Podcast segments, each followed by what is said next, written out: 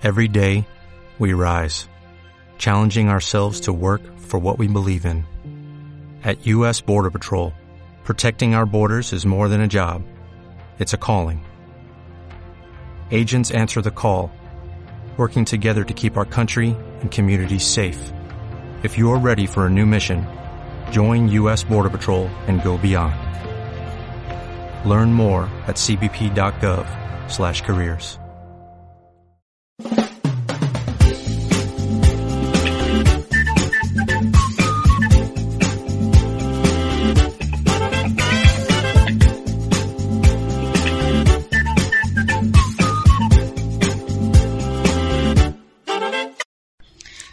heu sentit a parlar del rei Artús. Ajudat pels cavallers de la taula rodona, va aconseguir per als seus súbdits un regne de pau i justícia.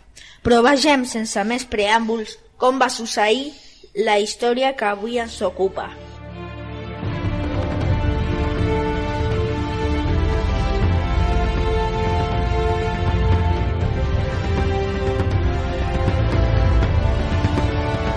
El rei Artus era al saló del tron envoltat de la seva cort quan el soldat de guàrdia va entrar i va dir Majestat, l'autolat d'un camp sol·licita audiència per expressar una petició. Fes-li passar. Tot seguit, sempre l'he considerat un amic. Majestat, necessito la vostra ajuda. Parla sense por. Què t'angoixa? Un ésser abominable destrueix sense pietats els meus sors. Si no m'ajude a foragitar-lo, en poc temps ho haurà destrossat tot i la meva família quedarà en la misèria. Però quina bèstia pot ser tan po poderosa i tan destructiva? Té la forma d'un enorme senglar negre, amb uns ullals recargolats i un aspecte tan ferotge que no ens atrevim a acostar-nos. No destruïm les hortalisses per menjar.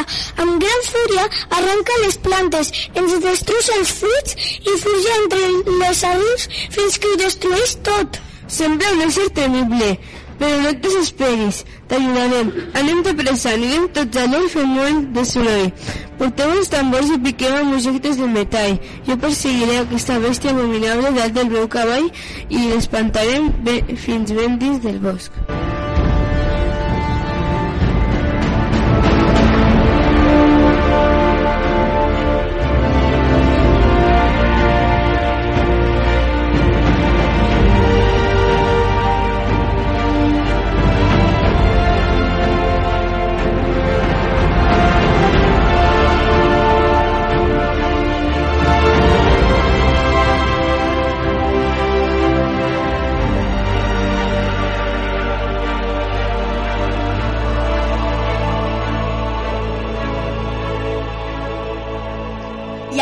Van fer. Artús va pujar dalt del seu cavall i tots el van seguir fent una gran sorollada. Quan van arribar a l'hort, la bèstia abominable semblava que s'esperava. Ja la veig, s'escapa pa- cap al bosc.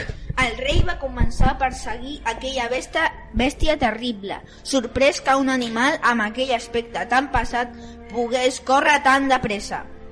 Cavall i cavaller van emprendre una cursa esborrejada fins que de sobte Artús va notar que un vent fred li arribava fins al moll de l'os. Va aturar el cavall, sorprès, i quan va mirar al seu voltant va veure que estava en un indret del bosc que li era completament desconegut. On sóc? Quin lloc més estrany! Tot és tenebrós, les plantes semblen moribundes i una estranya boira surt de terra i ho cobreix tot com un mantell de mort. De sobte, al tètric udol del vent s'hi va afegir una rialla fúnebre i, a- i va aparèixer davant d'Artús la temible figura d'un cavaller cobert amb una armadura negra. Ha, ha, ha! Per fi algú ha calgut. Moriràs per haver profanat el meu reialme de mort. Artús va desenvainar l'espada, l'espasa i li va plantar cara amb valentia. Qui ets? Quin és aquest indret tan, de, tan terrible? Aquest és l'indret on he estat condemnat. Jo també vaig ser rei en un altre temps i en un altre lloc. Durant molts anys vaig fer servir el meu poder per fer el mal. Vaig arruïnar els homes, vaig maltractar els, les dones no, i no vaig tractar amb ningú amb honradesa ni justícia. El meu regnat va ser un regnat d'esclavitud i de terror, fins que un dia va, una poderosa bruixa em va condemnar aquest lloc i va convertir la meva, la meva intel·ligent filla Lisbeth en la, re, en la terrible fi, bèstia que us ha conduït fins aquí. I no hi ha res que us pugui redimir el castig? Estaré aquí fins que descobreixi quin és el do més valuós per a l'ésser humà. Et perdonaré la vida si m'ajudes a descobrir-lo. El do més valuós? No puc, no puc saber-ho. Deixa'm anar al meu reialme. Ho preguntaré als meus súbdits i potser entre tots ho descobrirem. Et deixaré marxar si em dones la teva paraula de tornar d'aquí a tres dies. Tens la meva paraula de rei. D'aquí a tres dies tornaré amb la solució o em sotmetré al que, que, al que vulguis ordenar. Te, tens d'acord, crec en la teva paraula. Munta el teu cavall, tanca els ulls i deixa que el guiï fins al, al teu palau. D'aquí a tres dies fes servir el mateix mètode per tornar.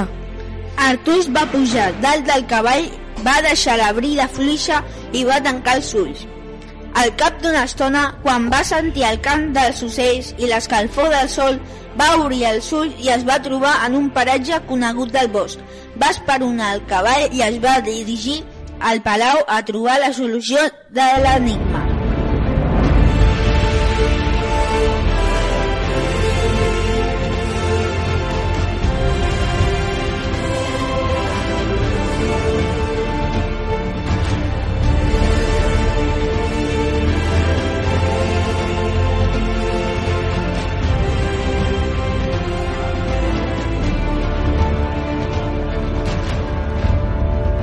Durant tres dies, Artús va consultar els súbdits, homes i dones, rics, rics i pobres.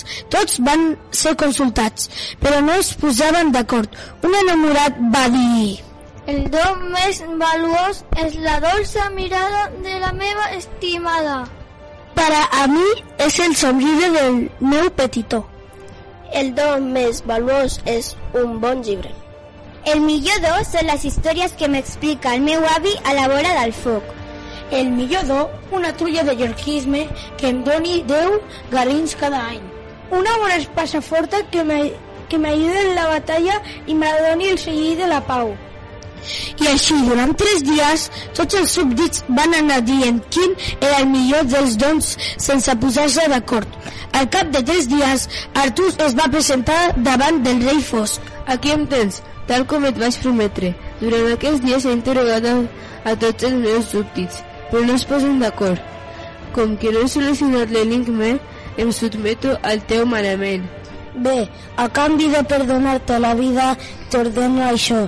Pren la meva filla Lisbeth, que coneixes com la bèstia abominable, i condueix-la al teu palau amb molt de respecte, ja que has de recordar que és una princesa, princesa tria el millor dels teus cavallers perquè li faci la cort com la més estimada de les promeses. Si durant aquest temps aconsegueix oferir-lo el do que és més valuós, aconseguirà trencar l'encanteri.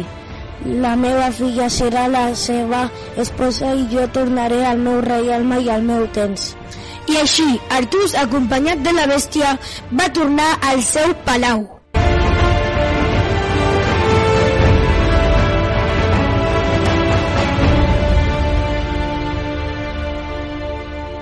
Quan Artús va revelar als cavallers els designis del rei Fosc, tots es van regirar incòmodes. Eren valents, però no volien fer la cort a una bèstia.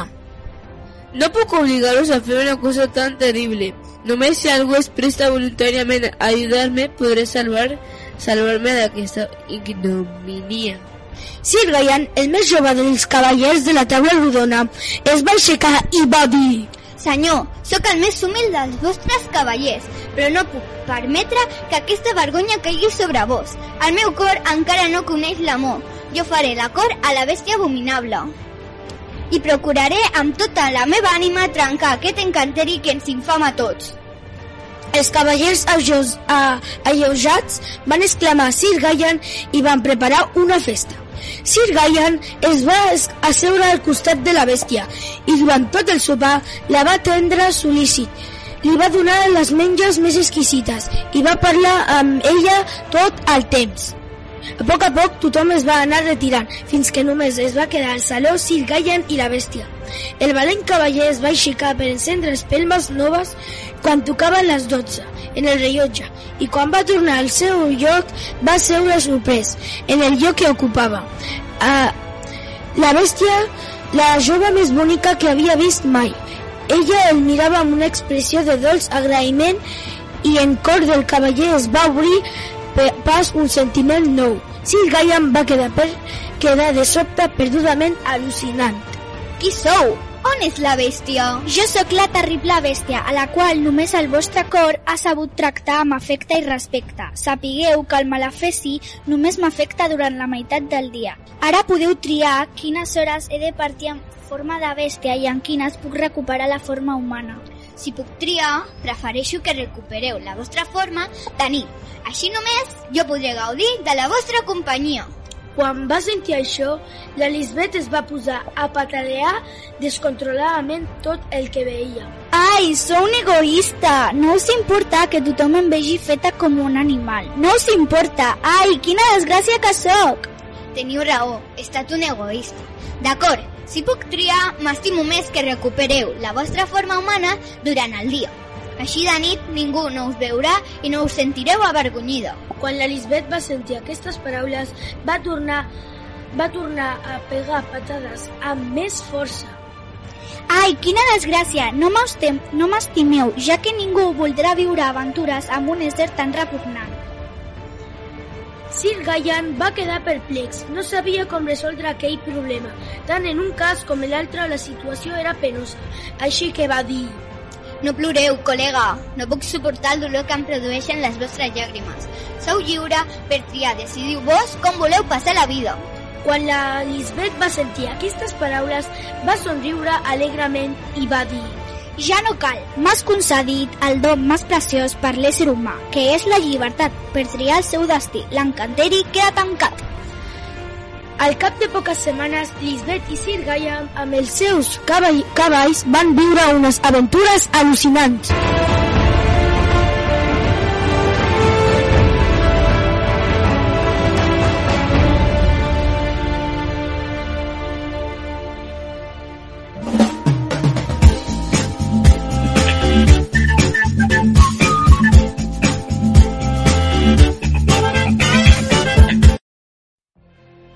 Could have a career where the opportunities are as vast as our nation, where it's not about mission statements, but a shared mission?